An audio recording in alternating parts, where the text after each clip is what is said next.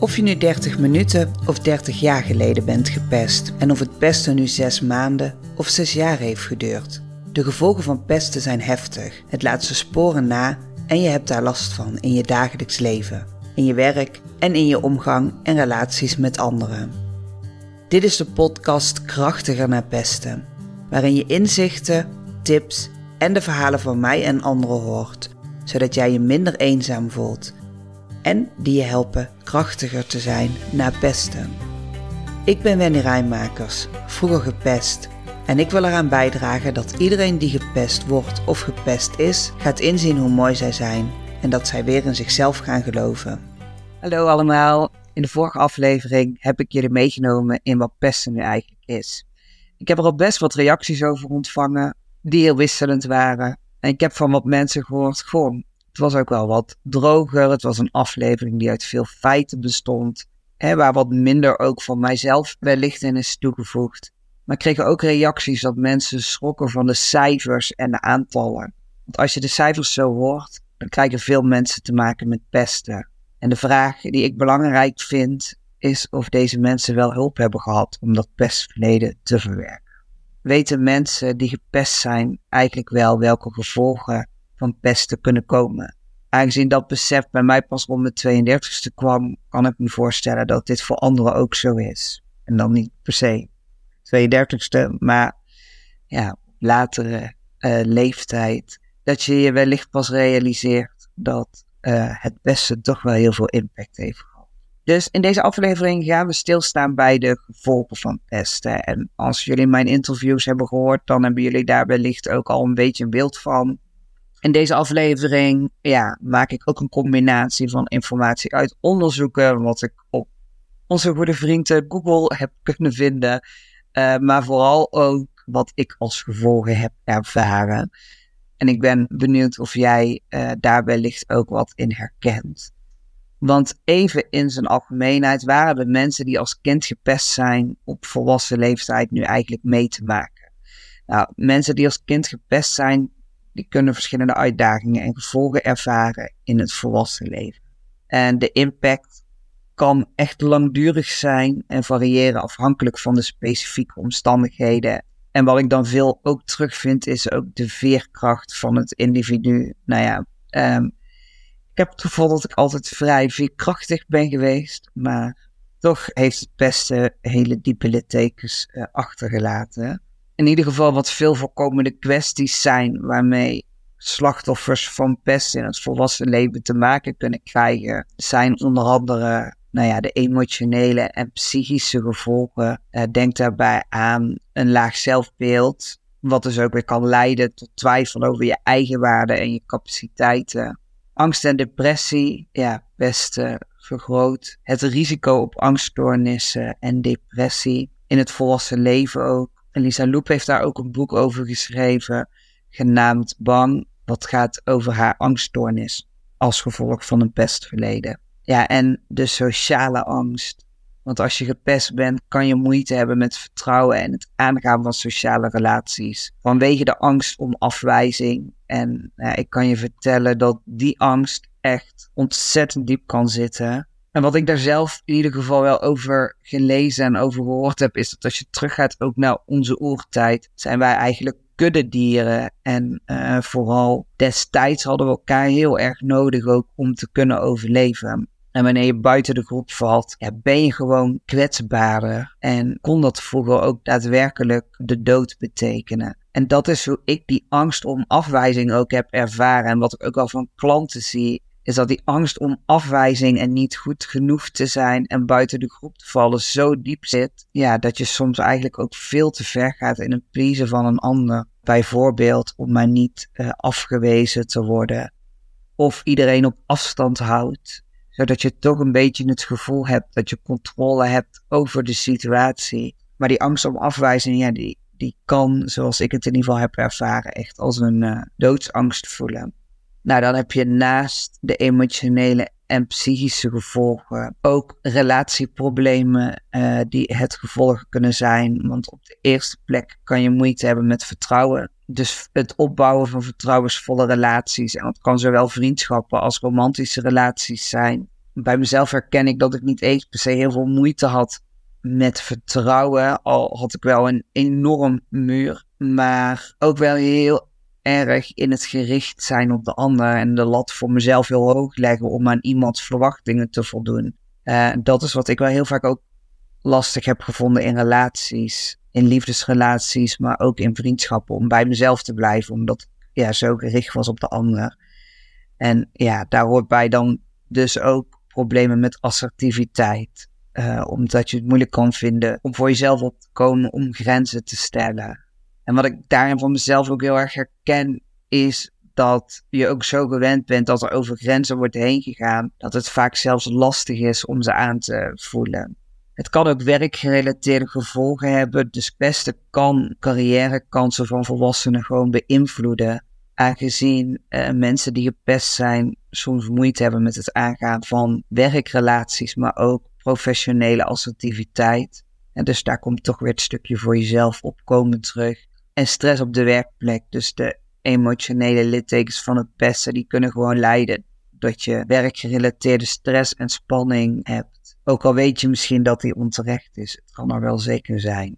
En lichamelijke gezondheid, dus de stress en de angst, uh, ja, waar we het toch al een paar keer over hebben gehad, die kunnen leiden tot gezondheidsproblemen, hoge bloeddruk, slaapproblemen, een verzwakt immuunsysteem. Ja, en alle gevolgen van dien. En dan tot slot hebben we ook nog de kopingsmechanismen. Dus ongezonde kopingsmechanismen, zoals het ontwikkelen van ongezonde manieren om met de gevolgen van pesten om te gaan. Denk aan overmatig alcohol of drugsgebruik of nou ja, zoals ik deed, uh, ja, troost zoeken in eten, in aandacht. Wil je extreem controle hebben, wat dan ook, om als copingmechanisme ermee om te gaan. En het is wel belangrijk om even te noemen dat niet iedereen die als kind gepest is, dezelfde gevolgen zal ervaren. En sommige mensen lukt het om zelf manieren te vinden om te herstellen of te gedijen in het volwassen leven. Maar het is wel heel belangrijk om de impact van de pest serieus te nemen. En indien nodig ook professionele hulp en ondersteuning te zoeken. En ja, wat in ieder geval wel wil aangeven is dat het nooit te laat is om te werken aan het herstel en de welzijn na pesten.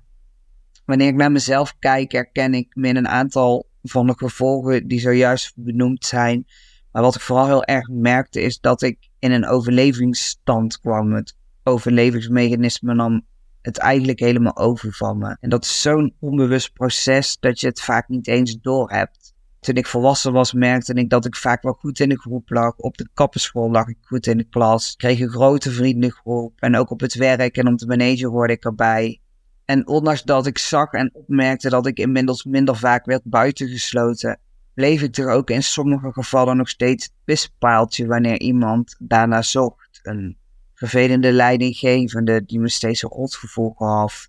Een schoonvader waarvoor ik steeds harder mijn best ging doen om maar geaccepteerd te worden en eigenlijk steeds harder werd afgewezen. Vriendinnen die alles tegen me konden zeggen en gedaan konden krijgen zonder dat ik grenzen aangaf. Om dan nog over de mannen en dates en relaties die ik heb gehad maar te zwijgen. En daarbij heb ik ook wel meerdere keren seksueel grensoverschrijdend gedrag meegemaakt. Waarbij in mijn geval gelukkig geen sprake was van ernstig seksueel grensoverschrijdend gedrag. Maar waarbij ik toch wel meerdere keren erg ver over mijn grenzen heen heb laten gaan. Voordat ik op de rem durfde trappen of hulp ging zoeken. En zelfs al merk je dat er over grenzen heen wordt gegaan. Of merk je dat je op veel plekken wel geaccepteerd wordt die diepgaande angst om afwijzing er zorgt er gewoon voor dat je bepaalde grenzen niet aangeeft. En de overtuiging dat je niet goed genoeg bent, wint het van het bewijs dat je inmiddels wel geaccepteerd wordt. Ik vergelijk dat voor mezelf, maar ook richting mijn klanten vaak.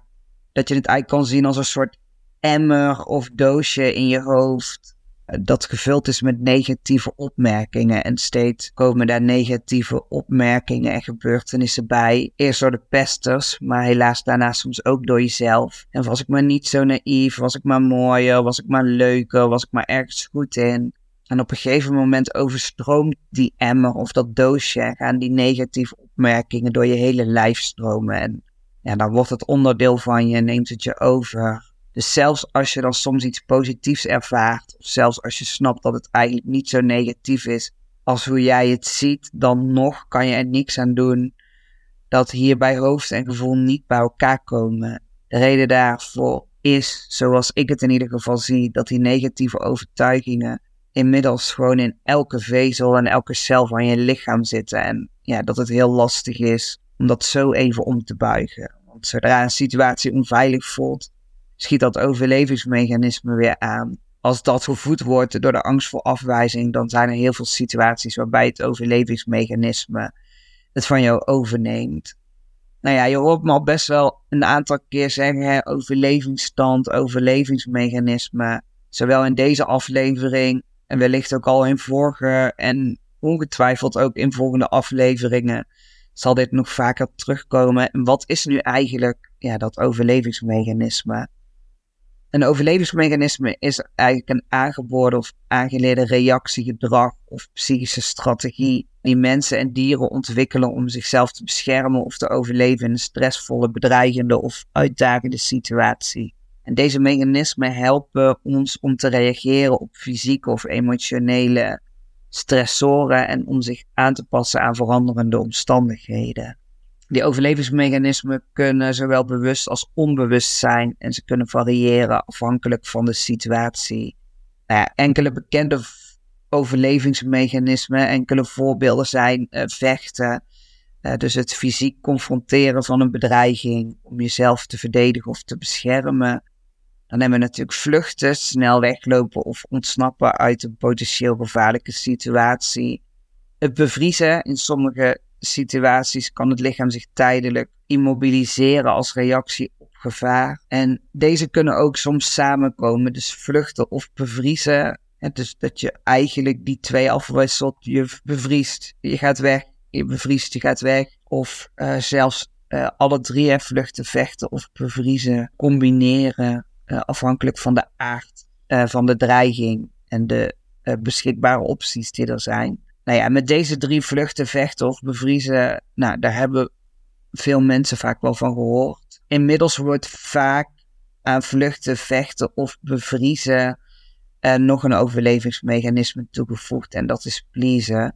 En please houdt eigenlijk in dat je erg gericht bent op de ander en over je eigen grenzen gaat om het de ander naar de zin te maken. Uh, je bent wanneer je aan het pleasen bent vooral gericht op het welzijn van de ander en vergeet hierin vaak ook je eigen welzijn. En naast deze mechanismes zijn er wellicht nog wel een paar andere te noemen die sommige luisteraars ook wel zullen herkennen. En dat is bijvoorbeeld ontkennen, dus het negeren, minimaliseren van de ernst van de bedreigende situatie om ermee om te kunnen gaan. Ja, wat ik al best wel vaak heb genoemd, is dat veel pestslachtoffers het bagatelliseren of minimaliseren door te zeggen ja, dat het bij hen eigenlijk niet zo erg was. Dan heb je rationalisatie, dus het verzinnen van verklaringen of excuses om gedrag te rechtvaardigen of om de emotionele impact van een gebeurtenis te verminderen. Dissociatie uh, kan hier ook nog aan toegevoegd worden, dus het tijdelijk scheiden van gevoelens, gedachten of herinneringen om traumatische of stressvolle ervaringen te overleven en overlevingsgedrag. Dus het ontwikkelen van specifieke gedragspatronen of gewoonten om te overleven in een vijandige omgeving. En dat kan bijvoorbeeld ook de controle willen hebben of heel fel zijn. Of eh, daar, ja, daar kun je eigenlijk van alles onder, eh, onderscharen. Wat je vaak ziet is dat het overlevingsmechanisme je heeft geholpen in een stressvolle of in een onveilige situatie.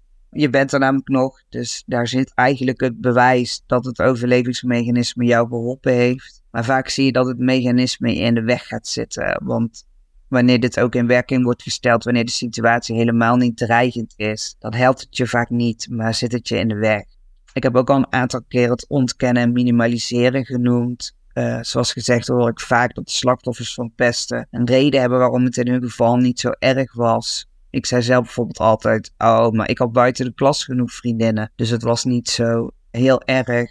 Of ik hoor mensen zeggen, ach, maar ik werd nooit geslagen. Of ik werd niet gepest, ik hoorde er alleen niet helemaal bij. Of het pesten bij mij duurde maar even, maar daar heb ik echt geen last meer van. En die laatste opmerking is ook wel heel interessant. Uh, want maakt het nou eigenlijk uit hoe lang iemand gepest is, hoe groot de schade is? Nou, ik uh, heb daar zelf een idee bij, maar ik uh, was ook even nieuwsgierig. Dus ik dacht, nou wat nou als ik die vraag zo stel bij Google? En dan krijg ik als antwoord, ja, de duur van pesten kan van invloed zijn op de ernst van de schade van het slachtoffer. Over het algemeen geldt dat langdurig pesten meer kans heeft om ernstige en langdurige schade te veroorzaken dan kortstondig pesten. En dat komt omdat langdurig pesten het slachtoffer blootstelt aan herhaalde traumatische ervaringen en stressoren, wat de negatieve effecten kan versterken. Uh, als je langdurig gepest bent, kunnen de emotionele littekens wat dieper zijn en kan het langer duren voordat je herstelt van de emotionele gevolgen. De sociale gevolgen, hoe langer je gepest wordt, hoe groter de kans is dat sociale isolatie eh, ervaren wordt en er moeite is met het vertrouwen op anderen. Nou ja, de schoolprestaties kunnen beïnvloed worden. Beste kinderen halen lagere cijfers, hebben een groter risico om schooluitval te ervaren. langdurig pesten kan leiden tot ernstige gedragsproblemen en zelf agressieve reacties bij het slachtoffer. De schade die wordt veroorzaakt door langdurig pesten kan blijvend zijn en kan de gepeste persoon blijven beïnvloeden tot volwassenheid. Maar wat er daarbij ook uitkomt wanneer we hem bij Google invullen, is dat het niet betekent dat kortstondig pesten onschadelijk is. En want zelfs een enkel incident van pesten kan aanzienlijke schade veroorzaken. En nou ja, vooral ook met die opmerking ben ik het heel erg eens. Want het maakt namelijk naar mijn idee niet uit hoe lang je gepest bent. Het kan gewoon een enorme impact op je hebben. En het is belangrijk om die impact te herkennen en erkennen. En vervolgens ook te accepteren, zodat je daar de juiste hulp voor kan zoeken. Of in ieder ieder geval jezelf de ruimte geeft om dat te verwerken. En wat ik in ieder geval altijd heel belangrijk vind, is dat het los is van oordeel. Want als je gepest bent, of het nu korte tijd is of langere tijd, heb je vaak zoveel oordelen en negatieve reacties naar je hoofd gekregen. En ben je jezelf ook vaak wat minder lief gaan toespreken. Uh, dus als je dan ook nog een oordeel hebt over nou ja, wat de impact dan voor jou is, doe je jezelf daar denk ik heel erg mee uh, tekort.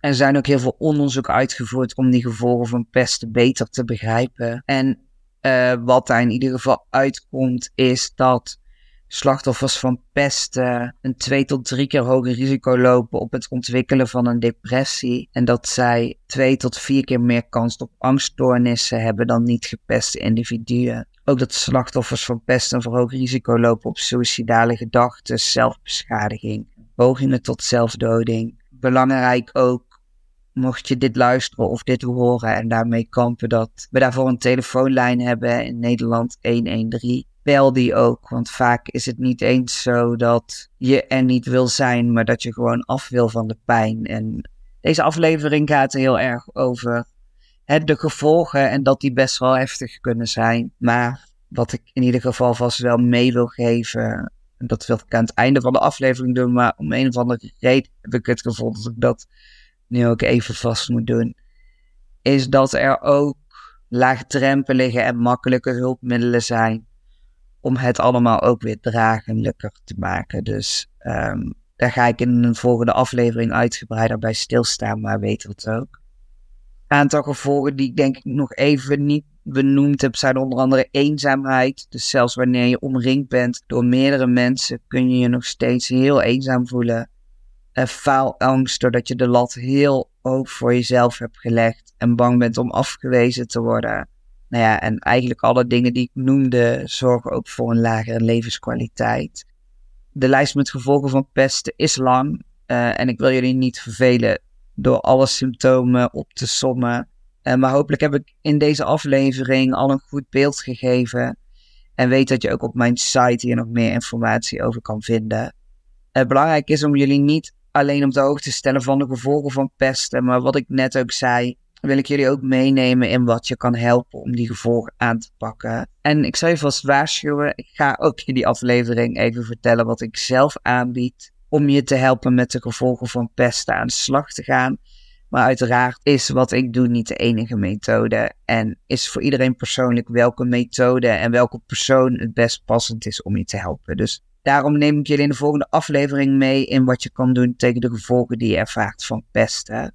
Om na deze twee afleveringen over de gevolgen van pesten voor degene die gepest is, ook stil te staan bij de pester zelf. Hè, van ja, waarom pest iemand en welke gevolgen kan een pester ervaren. Maar waar we ook zeker bij stil gaan staan is bij de opstanders. Maar voor nu in ieder geval even een beeld in de gevolgen die je kan ervaren als je gepest bent. Een aantal van de dingen die ik noem komen ook daadwerkelijk uit onderzoeken en andere zijn omdat ik ervaringsdeskundige ben vanuit mijn eigen ervaring met jullie gedeeld. Nou, wat ik in ieder geval van belang vind, is dat gelukkig er ook kleine en makkelijke hulpmiddelen zijn die je al kunnen helpen om jouw leven hè, en hoe je naar jezelf kijkt al wat te verbeteren. Daarnaast denk ik ook dat er gevolgen zijn die wellicht ook nou mooi zijn voorbeeld dat ik kan noemen is, dankzij dat ik gepest ben, kan ik als ervaringsdeskundige nu ook heel mooi werk doen door anderen te helpen. Maar wat me bijvoorbeeld ook opvalt is als ik op een feestje ben en iemand staat alleen. Nou, dat zal mij heel vaak opvallen en vaak wil ik dan ook even een praatje gaan maken. Ik heb niet heel snel een oordeel over iemand. We zijn natuurlijk allemaal niet oordeelvrij. Uh, ik ook niet. Maar ja, ik denk wel dat het een gevolg is ook van het pesten dat toch altijd wel nieuwsgierig ben wat er bij iemand verder schuilt en achter zit. Omdat ik het eigenlijk heel jammer vind dat daar vroeger bij mij niet naar gekeken is. En ik weet nog toen ik mijn ex-vriend leerde kennen dat hij tegen mij zei: Ik voelde mij meteen welkom bij jou. Waarbij hij ook eerlijk vroeg: Ik weet niet of dat, dat jouw karakter is of dat dat echt met mij te maken had. En daarmee heeft hij mij wel toen aan het denken gezet, omdat ik dacht: Ja ik zal ook vast wel in het verleden mensen het gevoel hebben gegeven dat ze niet welkom waren. Vooral in mijn felle periode, waar ik ook eh, in de vorige aflevering over verteld heb. Maar ik vind het wel heel belangrijk dat over het algemeen uh, mensen zich veilig bij mij voelen om uh, dingen te bespreken en ook weten dat dat kan. En dat, dat vind ik heel mooi, omdat er best wel wat momenten zijn geweest dat ik me niet welkom heb gevoeld uh, vind ik het heel mooi dat ik andere mensen dat gevoel uh, wel kan geven. Dus ik denk ook dat er zeker positievere gevolgen zijn, of in ieder geval een aantal van mijn karaktereigenschappen, die denk ik heel goed zijn, ook wel versterkt zijn door het pestverleden. Maar ja, er zijn ook gevolgen die je gewoon wel in de weg kunnen zitten. En ik denk dat het wel goed is om daarmee aan de slag te gaan. Dus nogmaals hoop ik dat ik hiermee ja, weer een beetje een beter beeld heb kunnen uh, schetsen. Niet alleen van, nou, wat zijn nu eigenlijk de gevolgen, maar ook dat ik je alvast het gevoel heb kunnen geven dat er ook heel veel oplossingen uh, zijn. En daar ga ik je dan ook volgende keer in meenemen. Dus voor nu, heel erg bedankt weer voor het luisteren. Heb je vragen of opmerkingen? Laat het me weten. En uh, tot de volgende keer weer. Ik hoop dat deze aflevering jou verder helpt dat het je meer inzicht geeft in wat je pestverleden met je doet en hoe je daar zelf iets mee kan. Ben je er klaar voor om de volgende stap te zetten, om los te komen van jouw overlevingsmechanisme dat is ingegeven door het pesten en dat zoveel facetten in je leven beïnvloedt? Stuur me dan een mailtje op info@wendyrijmakers.nl. Wil je liever eerst wat meer lezen over wat je kan bereiken en over mij? Dat kan op www.wendyrijmakers.nl. Dankjewel voor het luisteren en tot de volgende keer. En vergeet niet, ook jij mag er zijn. Jouw aanwezigheid maakt de wereld een stuk mooier.